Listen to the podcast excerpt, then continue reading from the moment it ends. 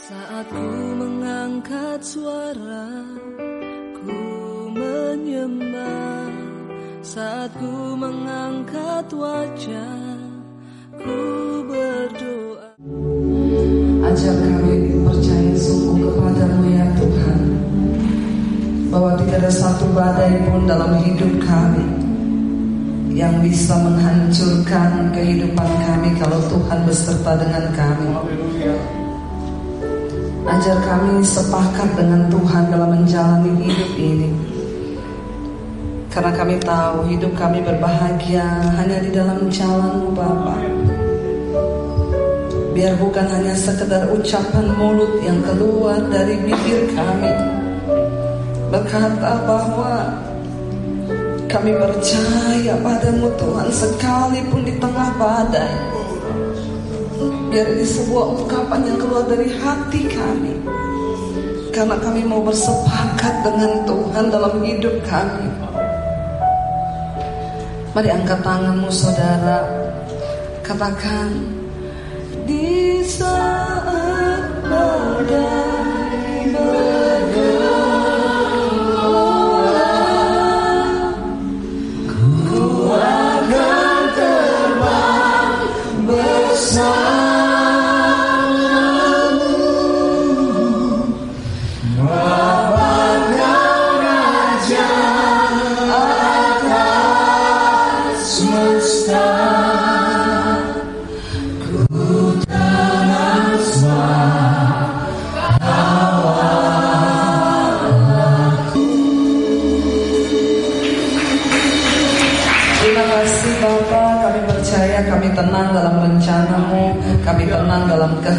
Bapak. Ajar kami untuk menaklukkan setiap kedagingan kami dan tunduk kepada kehendak Tuhan. Urapi hambamu yang tidak ada papanya, urapi setiap kami sore hari ini. Hanya di dalam nama Tuhan kami Yesus Kristus, kami buka hati bagi firmanmu. Yang percaya Tuhan di tengah kita memberkati kita, katakan bersama.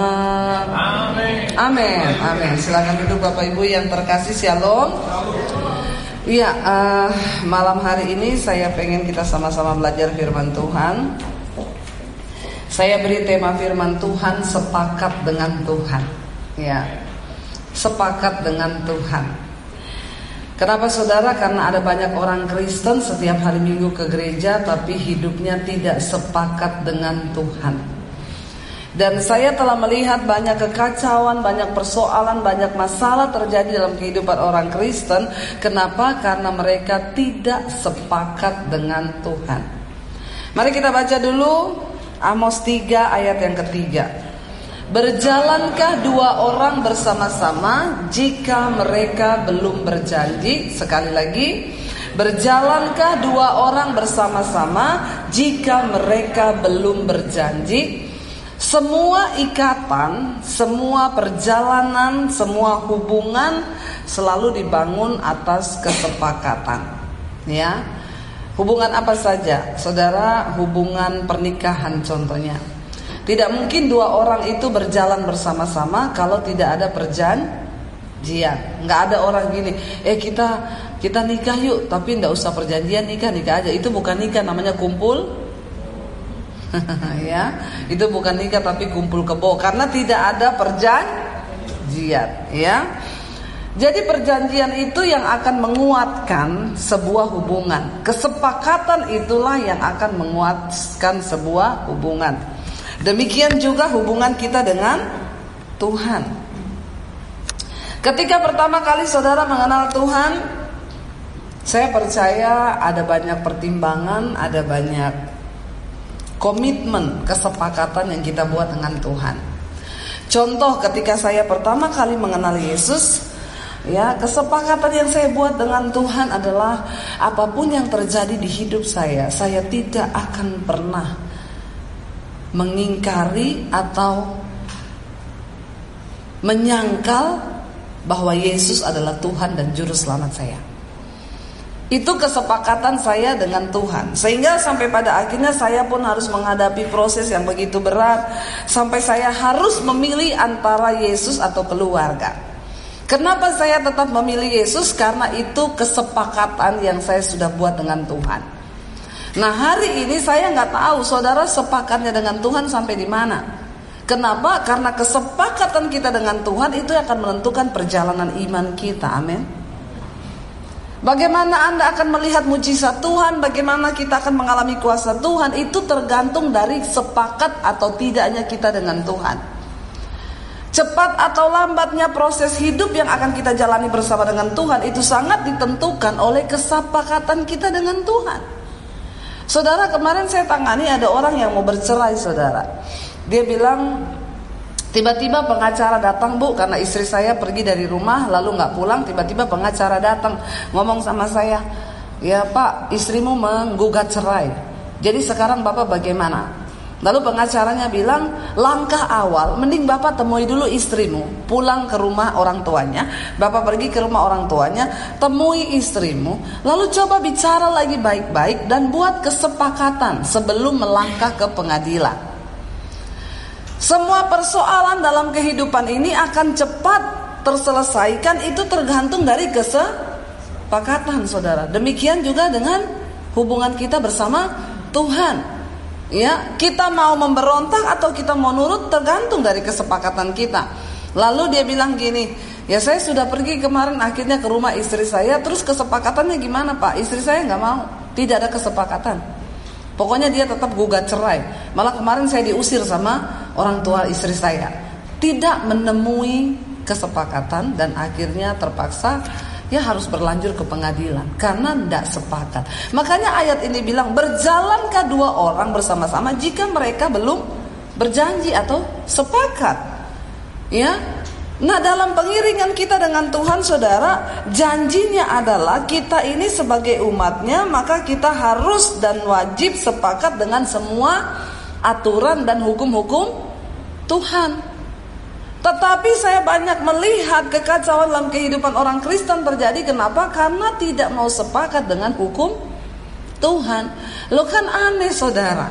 Kita ini ikut Tuhan tapi kok nggak sepakat sama firman Tuhan. Ini berbahaya, ini kelihatannya sepele, tapi ini sangat penting dalam pengiringan kita kepada Tuhan.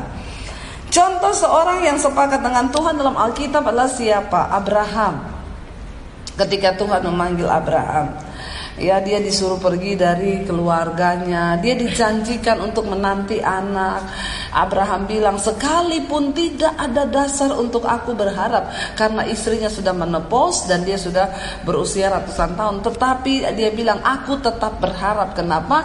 Karena dia yang berjanji Pasti akan menepati. Kesepakatan itu akan menjadi kuat waktu kita benar-benar mempercayai siapa orang yang kita sepakati ini. Amin. Ya, waktu kita benar-benar sepakat dengan Tuhan, kita percaya, maka kita yang pertama harus benar-benar mempercayai Tuhan dalam semua janji dan rencananya, saudara. Contoh di Alkitab seorang yang tidak setuju, yang tidak sepakat dengan Tuhan siapa? Yunus. Ketika Tuhan suruh dia pergi ke Niniwe untuk menobatkan kota itu, dia nggak mau. Saya nggak tahu Yunus itu punya masalah pribadi apa dengan orang di Niniwe.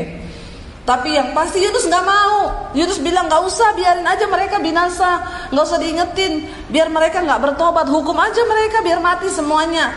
Tuhan bilang nggak, Yunus kamu harus pergi ke kota itu, peringatkan mereka. Tapi karena dia nggak mau, dia nggak sepakat sama Tuhan, dia lari saudara. Dia beli tiket, dia naik kapal, dia menyeberang ke Tarsis, ya. Lalu Tuhan gak sampai situ Yunus dikejar.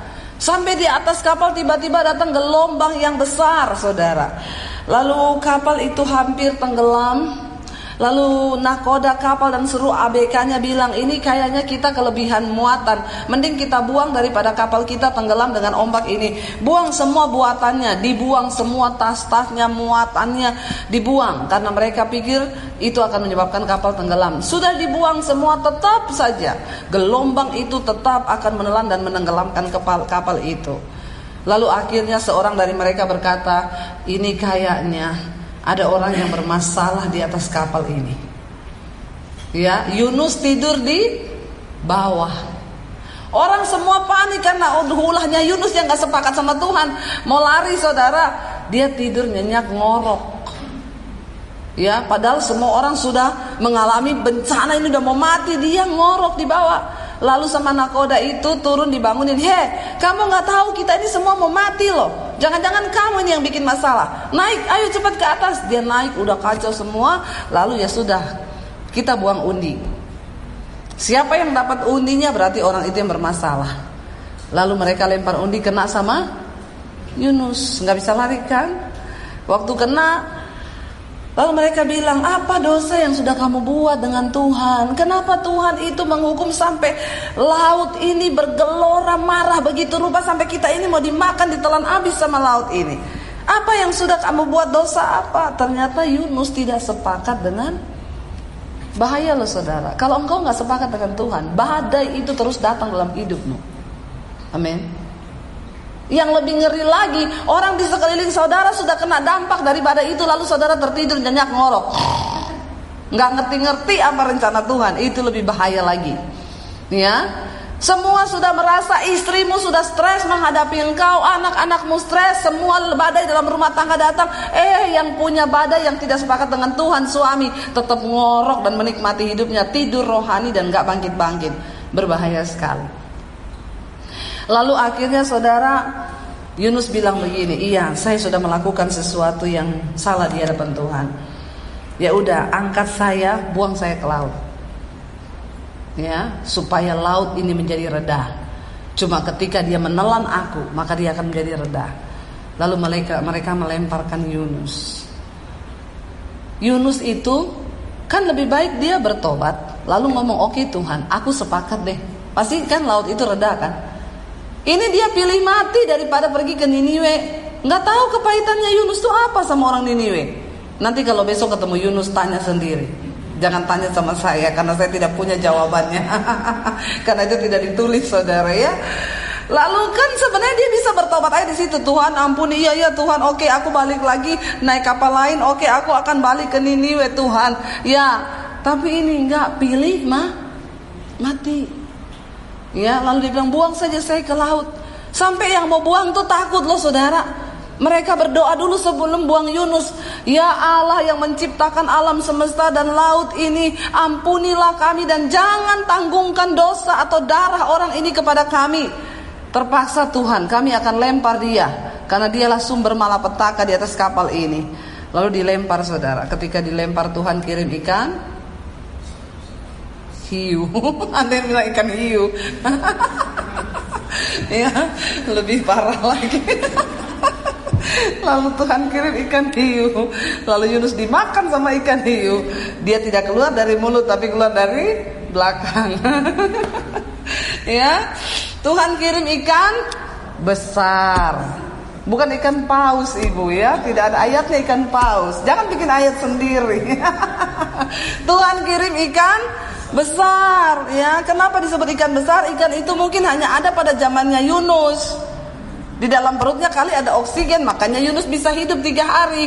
Ya kalau di dalam perut ikan paus nggak tahu itu ya. Mungkin nggak bisa hidup. Jadi Tuhan kirim ikan besar. Ikan itu mungkin hanya ada di zaman Yunus ketika Tuhan jangan takut. Ketika engkau bersepakat dengan Tuhan Tuhan bisa kirim apa aja Amin. Untuk membawa langkahmu kembali asal engkau sepakat dengan Tuhan, bertobat. Akhirnya ikan itu menelan Yunus. Lalu di dalam perut ikan itu Yunus akhirnya sepakat dengan Tuhan. Waktu dia sepakat dia dibuang ke dimuntahkan ke Niniwe. Kalau nggak kalau karena dia sepakat keluar dari depan, kalau tidak sepakat keluar dari belakang. Lalu jadilah apa itu kalau keluar dari belakang saudara tidak hidup lagi ya karena jadi kotoran. Ya, jadi sepakatlah ya biar keluar dari depan. Kalau nggak sepakat bahaya.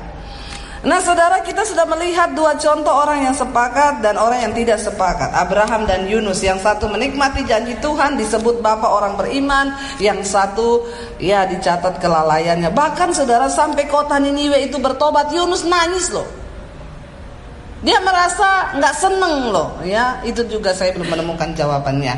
Oke, kita lanjut saudara. Kenapa kita harus bersepakat dengan Tuhan? Yesaya 55, coba kita buka. Ayat 8 dan ayat yang ke-9. Yesaya 55 ayat 8 dulu. Baca sama-sama. Sebab rancanganku bukanlah rancanganmu dan jalanmu bukanlah jalanku. Demikianlah firman Tuhan. Kenapa kita harus bersepakat dengan Tuhan? Sebab rancangan kita bukan rancangan Tuhan. Lalu ayat yang ke-9 bilang apa? Baca sama-sama. Seperti tingginya langit dari bumi, demikianlah tingginya jalanku dari jalanmu dan rancanganku dari Semenjak manusia jatuh di dalam dosa dan terpisah dari Tuhan, maka sejak saat itu semua jalan pikiran kita, rencana kita, kehendak kita, semuanya bertentangan dengan rencana Tuhan. Ya, manusia itu menjadi bertolak belakang karena akibat dosa. Mengapa kita harus bersepakat dengan Tuhan? Berapa banyak yang percaya bahwa semua yang terbaik dalam hidup kita adalah rancangan Tuhan? Siapa yang percaya angkat tangan bahwa yang terbaik terjadi dalam hidup kita itu rancangan Tuhan? Kita semua percaya. Karena itu kita harus sepakat saudara supaya yang terjadi dalam hidup kita itu rancangan Tuhan. Jalan Tuhan bukan jalanku, bukan rancanganku tetapi jalan Tuhan dan rancangan Tuhan. Tapi berapa banyak orang Kristen hidup tidak dalam rancangan Tuhan. Saya hari-hari ini konseling orang itu saudara, aduh sampai pusing sendiri kepala saya menghadapi orang Kristen itu. Makanya saya bilang saya lebih senang sekarang konseling orang yang bukan Kristen. Ya mereka datang ngomong Bu Debi, ya saya lihat khotbah ibu di YouTube, saya mau bertobat, ibu saya bukan orang Kristen, saya semangat saudara, on fire saya melayani yang bukan Kristen. Kenapa? Saya mau bertobat, Bu. Saya mau mengenal jalan Tuhan. Wah, ini kan sepakat dengan Tuhan kan? Kalau sudah begini kan gampang kita mengarahkannya. Kalau yang telepon orang Kristen, hmm, halo Bu, iya Bu, saya udah 25 tahun Kristen Bu, udah 30 tahun Kristen. Saya sejak lahir Kristen Bu. Kenapa? Cuman mau tanya nih Bu, kenapa orang Kristen boleh cerai nggak? Pertanyaannya begitu. Saya bilang nggak boleh orang Kristen nggak boleh bercerai. Kok Ahok boleh? Enak ya? Saya tanya, kamu menjadi seperti Yesus atau menjadi seperti Ahok? Jangan diikuti yang begitu. Makanya orang Kristen itu seringnya tidak sepakat sama Tuhan. Ya, ya jalan hidupmu itu Aduh, tapi memang rempong ya saudara. Tadi malam ada orang konseling, Bu Debi, iya hidup saya ini kayaknya penuh dengan kutuk Bu. Kenapa? Aduh, saya tertekan, usaha hampir bangkrut saya dengan suami. Lalu ya kehidupan begini saya sama mertua bermusuhan, pokoknya tidak ada damai dalam hidup saya. Coba cerita dari awal dulu. Jadi begini Bu, Waktu saya dulu dengan suami yang pertama, mm -mm, saya selingkuh sama suami yang sekarang ini. Jadi pada akhirnya saya bercerai dengan suami saya dan suami saya yang sekarang ini pun bercerai dengan istrinya. Lalu kami berdua menikah. Bahkan kami menikah setelah saya sudah hamil dan anak saya sudah lahir, baru kami menikah.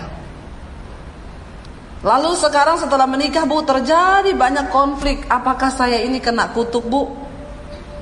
Karena mertua saya tidak senang dengan saya Keluarga besar saya juga sekarang memusuhi saya.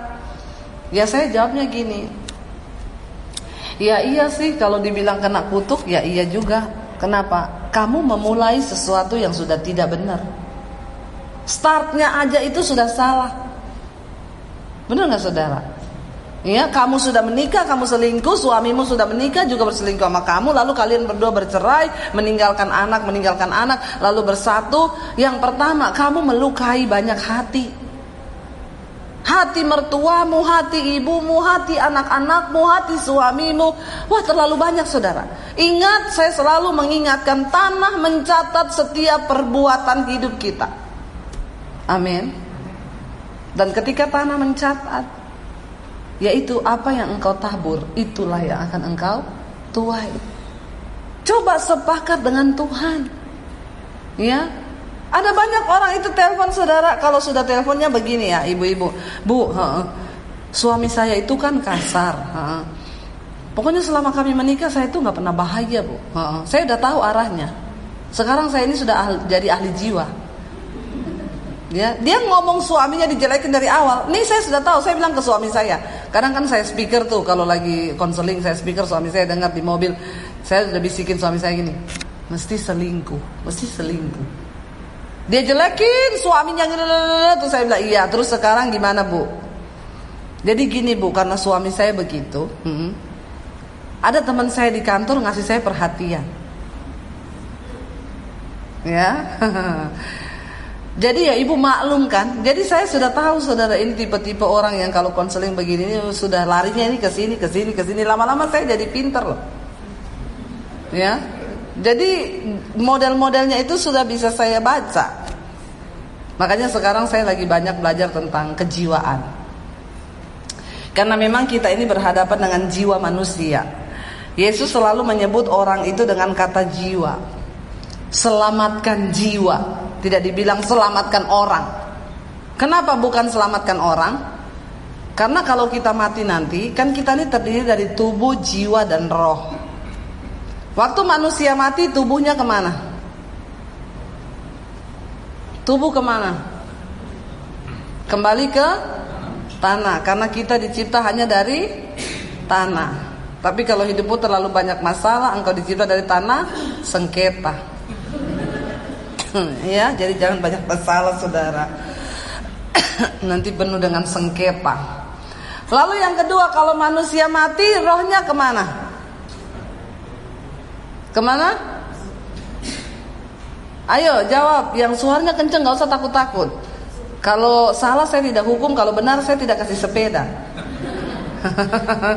ya, kalau manusia mati, rohnya ke mana? Kembali ke ini pelajaran dasar kekristenan. Ya saudara harus tahu loh saudara bagaimana mau sepakat dengan Tuhan roh ke mana aja nggak tahu. Waktu manusia mati pengkhotbah 12 ayat 7 bilang debu kembali menjadi tanah dan roh kembali kepada Allah yang mengaruniakannya. Amin. Karena roh manusia itu pelita Tuhan dalam hati manusia Ketika Allah menghembuskan nafas hidup kepada manusia itulah roh. Makanya kita dikatakan serupa dan segambar dengan Allah. Artinya kita punya bagian diri Allah dalam diri kita yang disebut roh. Jadi kalau manusia mati roh kembali kepada Allah. Mau agama apa pun dia rohnya langsung kembali kepada Allah. Karena itu bagian diri Allah dalam diri manusia. Pertanyaan yang berikutnya, kalau manusia mati, jiwa ke mana? Ayo. Jiwanya ke mana? Hah? Anu bu, gentayangan. ya, jiwanya gentayangan bu. Ya, masuk ke gudang-gudang tua. Ya, nanti masuk ke orang. Makanya kalau ada orang kerasukan, kamu siapa? Nenekmu. Ya. Nenek mau apa, Nek? Nenek mau minta minum. Selama nenek dikubur kamu tidak pernah antar nenek minum. Ya, lalu kita kasih dia minum. Minta apa lagi, Nek? Coklat. Ya. Lalu kita kasih dia. Jangan percaya, Saudara. Waktu manusia mati, maka jiwanya yang akan dihakimi. Jiwanya langsung ditawan tuh waktu manusia mati. Sekarang belum ada yang dihakimi. Ya, masih kosong ya, masih ditampung ya. Kalau yang matinya baik ditampung dekat sorga, namanya Firdaus ya. Kok kayak obat penumbuh kumis ya? Kalau dia matinya orangnya berdosa Sorry saya ketawa saudara Firdaus Ya Kalau dia matinya Orang berdosa karena dulu suami saya pakai itu buat bikin cambang. buat menumbuhkan cambang itu tahu ya saudara. Kalau dia orang berdosa mati ditampungnya di mana? Di Hades dekat neraka katanya sih. Saya juga belum pernah ke sana. Jadi saya juga tidak mau terlalu membahas yang begitu-begitu saudara karena memang kita belum pernah ke sana. Ya. Kita percaya dengan iman. Lalu nanti ketika Yesus datang kali yang kedua, baru yang mati pertama kali dibangkitkan, lalu mereka akan dirubah dalam tubuh kemuliaan, lalu akan dihakimi jiwanya. Yesus berkata kepada muridnya makanya jangan kamu takut kepada mereka yang hanya berkuasa membunuh tubuh tetapi tidak berkuasa membunuh jiwa. Takutlah kepada Dia, Allah Bapa yang berkuasa membunuh baik tubuhmu maupun jiwamu di dalam neraka. Amin. Jadi jiwa manusia itu terdiri dari pikiran, perasaan dan kehendak. Jiwa saya ini jiwanya Debbie ya, yang ada Pak Darwin itu jiwanya Pak Darwin, jadi tidak mungkin ketukar-tukar, ya. Ibu Mary jiwanya ya Ibu Mary, tapi ada orang yang mengalami gangguan jiwa. Jiwanya terbalik-balik. Kalau saudara yang ikuti channel YouTube saya, tadi pagi saya ada angkat kesaksiannya Jonathan Tan. Dia terlahir sebagai laki-laki, tapi dalam mulai bertumbuh dia merasa dia perempuan jiwanya. Lalu dari SD akhirnya dia udah nggak sekolah. Kenapa? Karena udah dibully, ya jalannya mulai gini. Lalu pada umur belasan tahun dia mulai operasi. Ya dia kerja, dia buka salon, dia dapat duit, dia operasi. Dia implan payudara, ya. Lalu dia operasi kelamin, jadi perempuan. Dan secara hukum akhirnya dia disahkan menjadi wanita karena dia sudah transgender. Saudara, saya ini kan kemarin baru pulang dari Bangkok, bukannya mau pamer ya. Bukan sombong juga, cuma memang sedikit angkuh. Tapi saya benar bukan mau pamer. Nah di sana itu kan kalau saudara lihat ada cewek tinggi langsing gitu ya, seksi, jangan dilirik, itu pasti bencong. Ya, jangan terkecoh ya. Pokoknya di sana itu lihat yang gitu pasti bencong. Jadi sekarang pintu pelayanan terbuka Pak di sana. Kalau Bapak mau dikirim ke Bangkok, Bapak harus punya roh yang kuat. Ya, karena kalau tidak, ya jangan-jangan saya takut begitu Bapak dikirim setahun, Bapak pulang sudah begini. Halo Abuna gitu ya. Aduh bertobat saudara ya. Tapi ini loh yang saya suka di sana itu jadi tour guide-nya cerita walaupun orang sudah transgender benar-benar jadi perempuan tetap di akte kelahiran KTP harus tetap ditulis laki-laki. Karena identitas aslinya dia dilahirkan laki-laki. Bagus loh. Di Indonesia kalau sudah transgender boleh berubah jadi perempuan. Lalu si Jonathan Tan itu bilang ketika dia mulai umur 20 dia sudah jadi perempuan, dia ditok disahkan menjadi secara hukum dia perempuan. Dia menikah dengan laki-laki saudara, ya. Suaminya ganteng loh. Ya, dia menikah tapi cuma bertahan 2 tahun, lalu dia pacaran lagi dengan cowok-cowok cowok-cowok. Dia cari kebahagiaan dalam hidupnya, putus nyambung, putus nyambung, lalu dia stres. Dia stres, dia sempat pindah ke Amerika, dia coba bunuh diri dua kali, lalu dia mulai mencari Tuhan, dia mulai mencari kebenaran, dia pengen cari jalan yang benar, lalu dia pindah ke Muslim. Dia umroh tiga kali, dia pakai jilbab lima tahun. Wow ya, dan dia Muslimnya bukan Muslim yang sembarangan, dia bisa ngaji, dia hafal semua.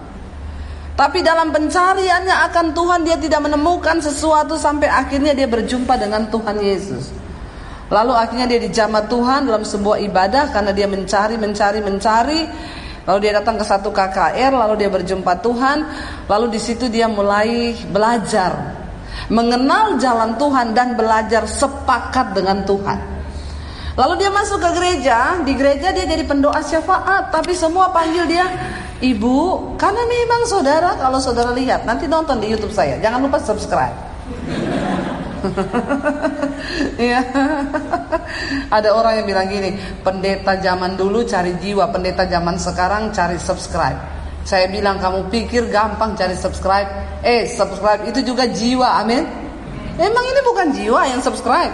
Jiwa loh, saya justru banyak temukan orang-orang yang pada bertobat kembali ke jalannya itu subscribe, subscribe saya. Lalu dia bilang dia mulai mencari Tuhan dan dia mulai sepakat dengan Tuhan. Dia masuk ke gereja saudara. Semua panggil dia ibu. Saudara lihat ya di tayangan saya foto-fotonya. Kala perempuan asli kala. Saya lebih terlihat jantan dari dia. Beneran, kenapa saudara?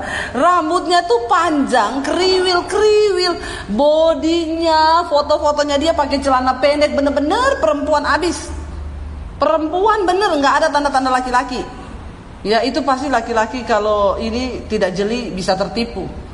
Bener-bener perempuan asli. Orang saya aja wawancarain dia yang sekarang kemarin, dia sudah rambut pendek, ya sudah sudah ber, sudah pakai kemeja, pakai celana panjang Ya itu saja saya masih kadang, iya bu, jadi eh maaf, maaf kok. Ya, udah panggil bu, panggil kok, panggil bapak, panggil karena masih masih masih ini masih terlihat. Lalu dia melayani sebagai pendoa syafaat. Bertahun-tahun loh jadi pendoa. Sampai akhirnya dia dapat satu ayat yang berkata, doa orang yang benar. Bila dengan yakin didoakan tuh besar kuasanya. Dia bilang, Tuhan saya pendoa, saya tiap hari berdoa. Tapi saya bukan orang benar, kenapa? Saya membohongi banyak orang karena identitas saya laki-laki. Lalu malam itu dia nangis, dia dilawat Tuhan.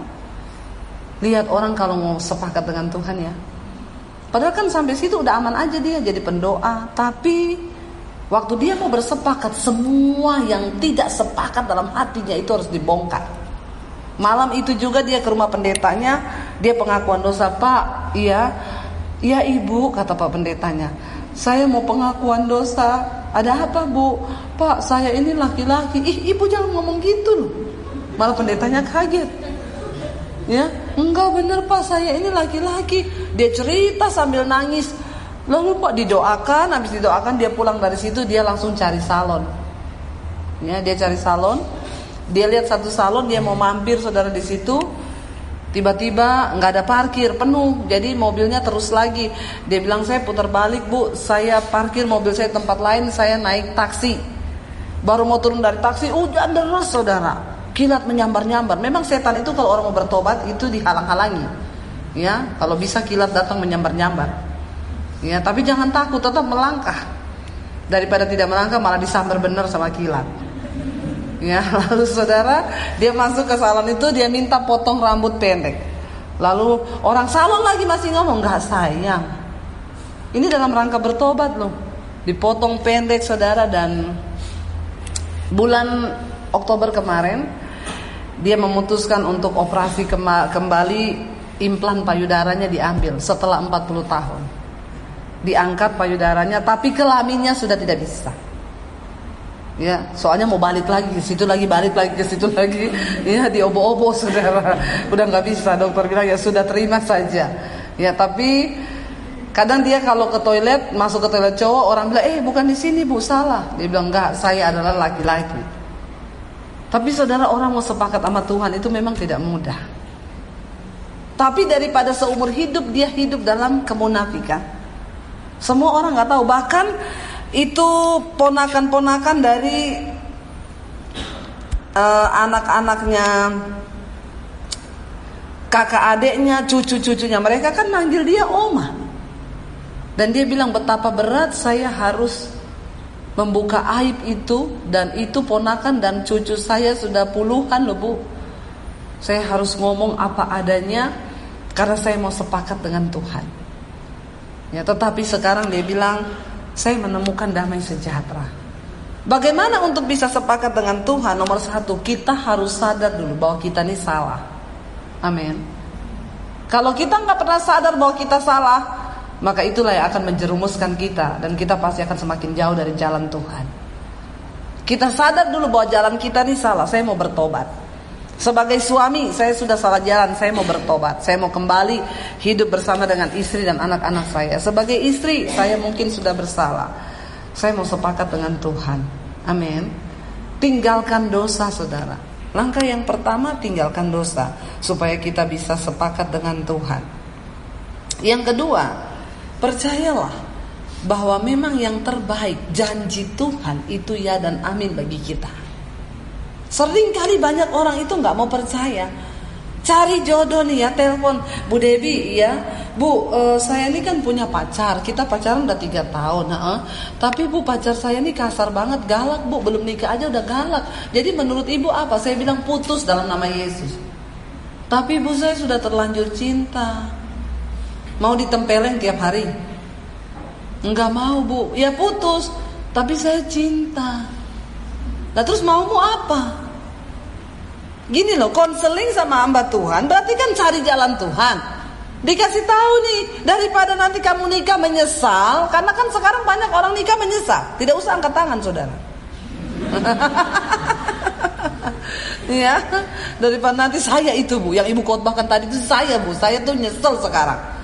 Daripada saudara menyesal, mendingkan dicegah. Kenapa banyak pernikahan yang diawali itu tidak bukan karena jalan Tuhan, nggak sepakat sama Tuhan, ngerti bagaimana itu membangun rumah tangga, apa itu pernikahan, apa itu mencari jodoh. Sekarang tuh banyak orang nggak ngerti.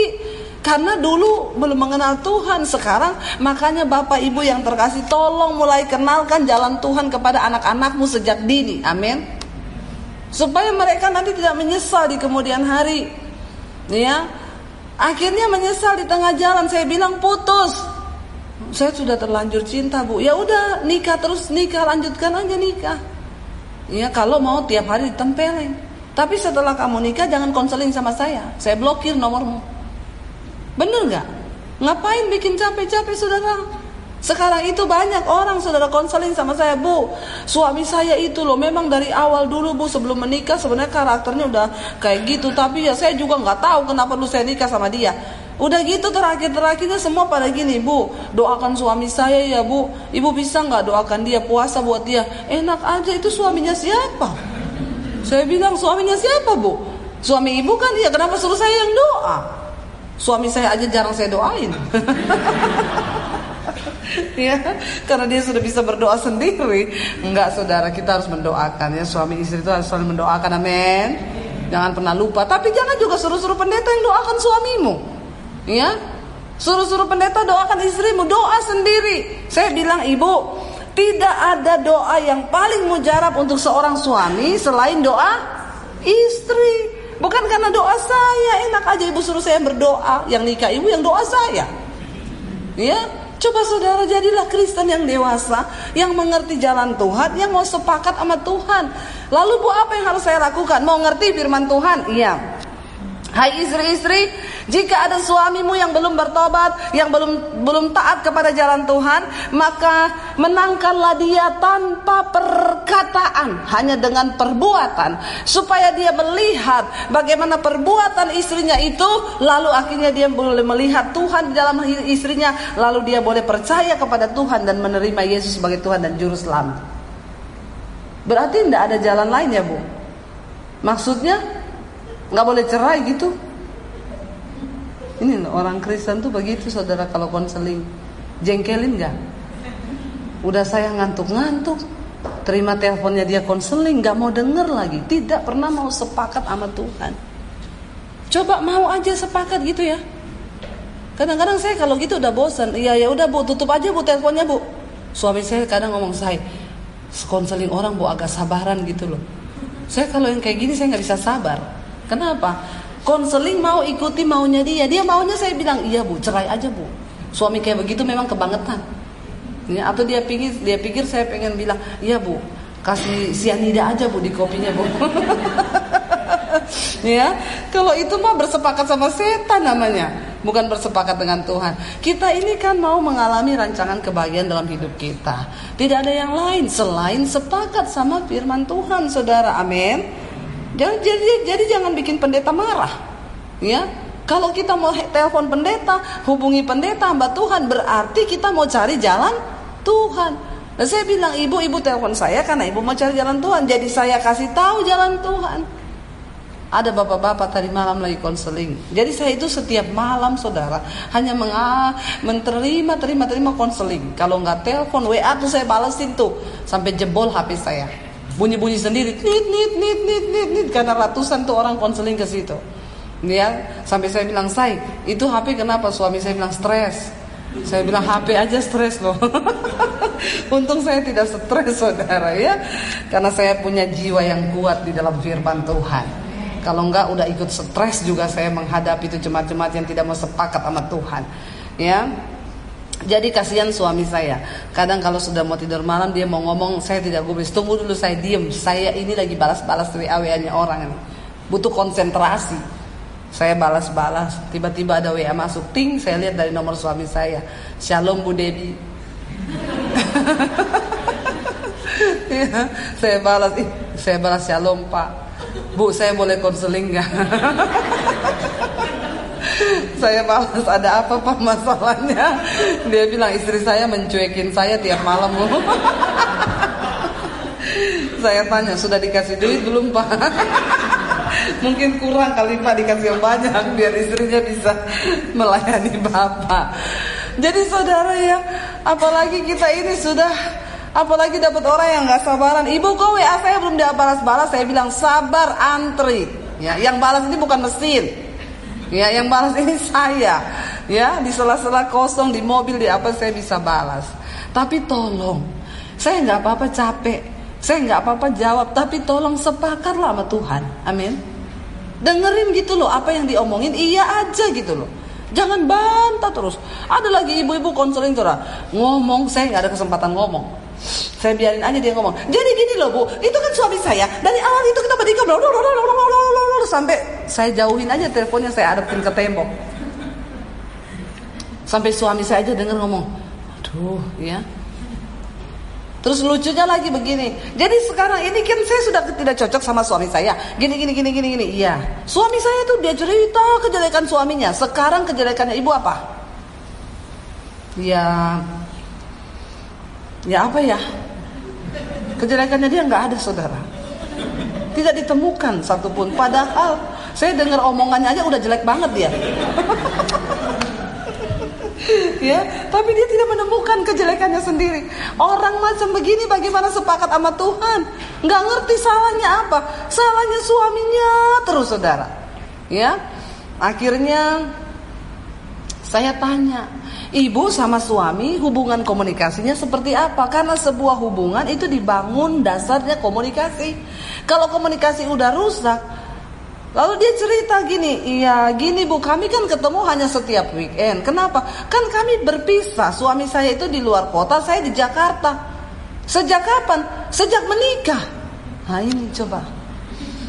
Saya bilang ibu ada ayatnya yang dikatakan begini, maka suami istri itu adalah dua, satu tinggal di luar kota, satu tinggal di dalam kota. Ibu pernah ada ayat seperti itu? Alkitab berkata, ketika orang menikah itu dua menjadi satu. Demikianlah mereka bukan lagi dua. Yang laki-laki akan meninggalkan ayah dan ibunya dan bersatu dengan istrinya. Kok ibu dari awal menikah sudah berpisah begitu? Jadi gini bu, dari awal kan saya punya usaha di Jakarta. Suami saya itu dinas bu, ditugaskan sama kantor. Dari awal emang tidak ada pembicaraan. Dia bilang gini, sudah ibu, kami sudah konseling sama pendeta. Dari awal udah ngomong ke pendeta begitu bahwa ibu dan bapak akan berpisah, sudah. Pendetanya ngomong apa? Ndak apa-apa, yang penting ada kesepakatan berdua. Saya bilang itu pendeta di gereja mana itu? Saya baptis ulang, saya rendam 15 menit. Itu sudah menyalahi firman. Ya tapi pendeta itu bilang yang penting kami berdua sepakat. Kesepakatanmu berdua itu bukan kesepakatannya Tuhan. Alkitab berkata orang menikah itu bersatu bersama-sama. Kalau mau berpisah mending dulu nggak usah nikah. Benar nggak saudara? Benar sekarang mau cerai karena ya pastilah ketemunya seminggu sekali. Kamu tahu nggak suamimu di sana dalam waktu seminggu ngapain? Emang kamu lihat di sana? Sekarang itu bahaya loh. Ya, Setan zaman dulu itu bukan karena setan zaman sekarang. Kenapa kuntilanak sudah tidak muncul? Karena banyak pelakor. Hati-hati bapak-bapak ya. Pelakor di luar sana begitu menggoda. Selanjutnya terserah Anda. Bahaya.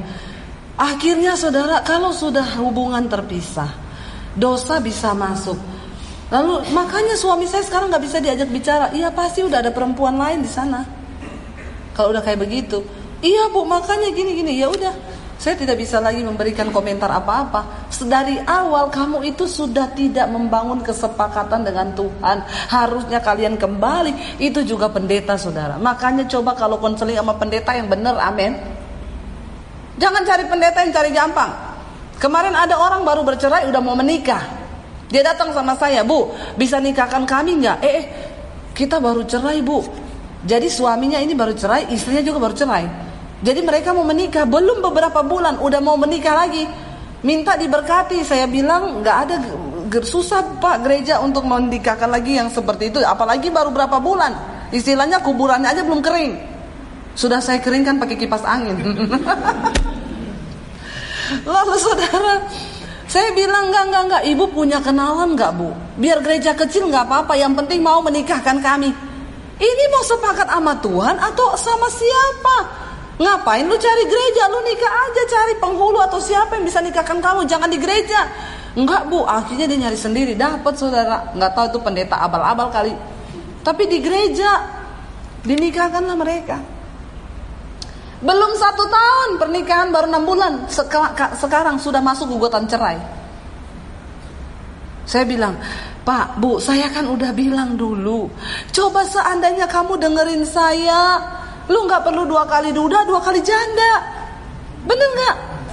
Kenapa kamu terburu-buru seperti itu cuma cari kesepakatan manusia? Terus dia bilang gini, tapi memang bener bu ya, beda ya pendeta bayaran sama pendeta asli.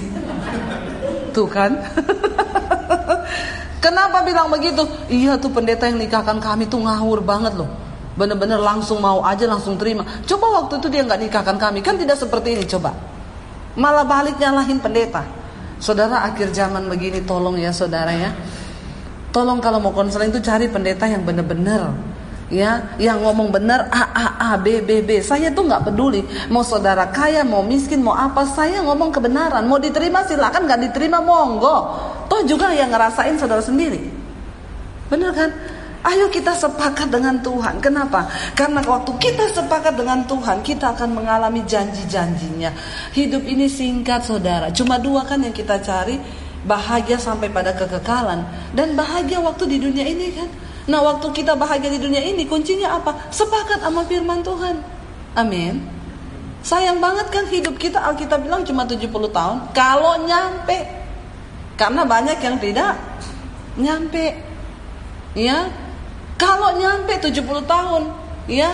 Lalu dengan masa yang singkat, kalau 70 tahun, sekarang umur kita sudah 50. Siapa yang udah 50 di sini? Angkat tangan. Berarti kan tinggal sekitar 20 tahun. Ya, 20 tahun itu cuma dua kali ganti presiden loh. Kalau tidak diperpanjang. Bener nggak? Saya sekarang Udah 45, berarti masa hidup saya tinggal berapa tahun lagi? Kalau benar sampai 70, kalau 70, kalau kurang. Tinggal berapa tahun hidup kita? Kenapa sih kita mau sia-siakan untuk hal-hal yang bukan sepakat dengan Tuhan? Mari kita sepakat dengan Tuhan.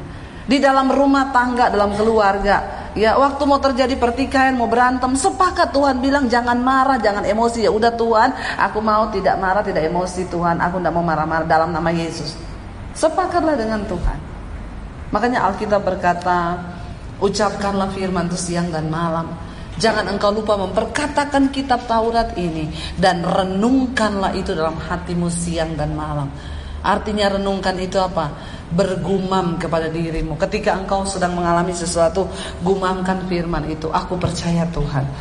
Firmanmu itu yang membuat tenang dalam batinku, dalam jiwaku. Saudara itulah kalau orang muslim itu mereka astagfirullah, astagfirullah itu bergumam mengingat supaya mereka itu tetap dalam pertobatan. Kalau kita apa? Dalam nama Yesus Tuhan ajar aku melangkah dalam jalan-jalan.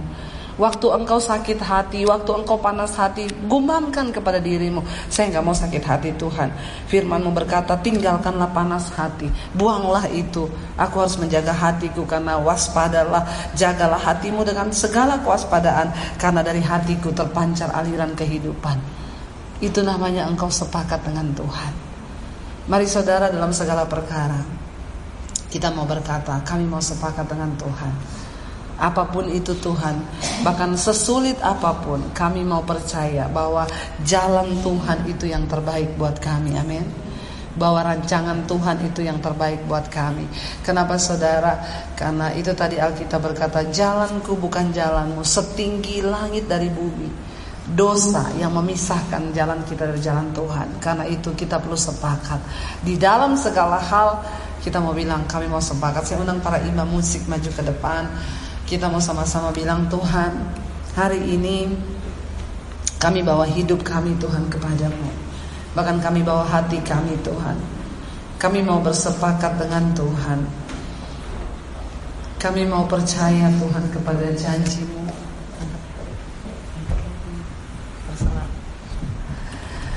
Mari kita bangkit berdiri bersama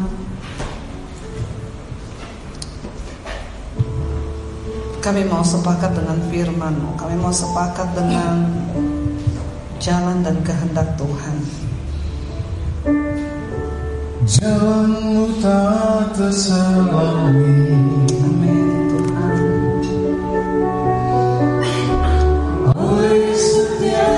hati kami. Yes Lord Jesus. Namun satu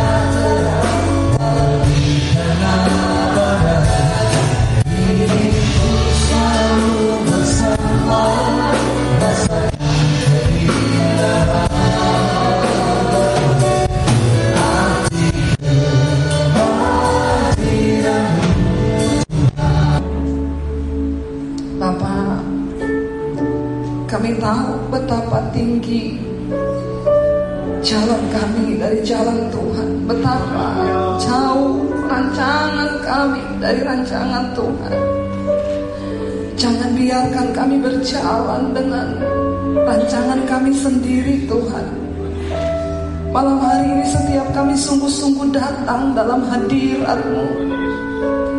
Kami memohon Tuhan Biar rancangan Tuhan saja yang terjadi dalam hidup kami. Biar kehendak Tuhan saja yang terjadi dalam hidup kami. Kami mau bersepakat dengan Tuhan malam ini. Seberat apa pun harga yang harus kami bayar Semahal apa pun Tuhan Berikan kami kemampuan. Kami mau menjalaninya Bapak Kalau itu rencanamu Kalau itu kehendakmu. Ajar kami Tuhan Untuk menyenangkan hatimu Dalam hidup kami. Tuntun kami masuk dalam rencana Dan kehendakmu yang sempurna Kami bawa hidup kami malam hari ini Tuhan.